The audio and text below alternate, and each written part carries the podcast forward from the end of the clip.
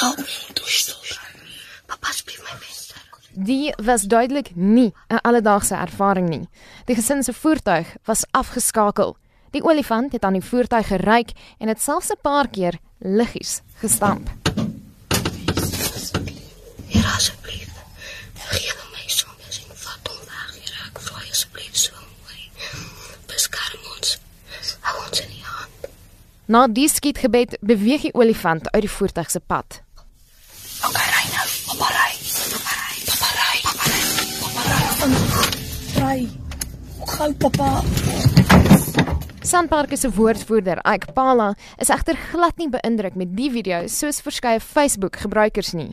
I was shocked to see it for the first time, and what shocked me the most was also whether it's a child or it's the driver's partner who was asking him to close the window and also to move away, and he seemingly was just enjoying the spectacle. That animal is too close to the car. Anything could have happened.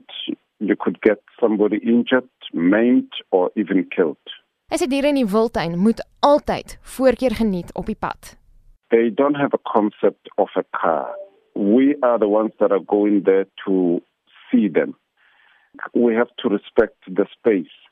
We don't have to get too close to them. We don't have to intimidate them. Volgens hom is die bul duidelik ongemaklik met die voorwerp voor hom. Paul sê dis onduidelik hoe die gesin in die situasie beland het en dat dit tog die beste was om stil te staan en nie 'n geluid te maak of weg te jaag nie. Hy het dit egter nie goed nie en sê dit kon veel erger uitgedraai het. In the past uh, three to four years, we haven't had an incident where a car had been overturned. We used to have them very frequently, and you would actually see that this was an animal that was intimidated and it had to protect itself. Dit was Sanpark se woordvoerder, Ike Pala. Ek's Marlene Verschiefer, SAK nuus.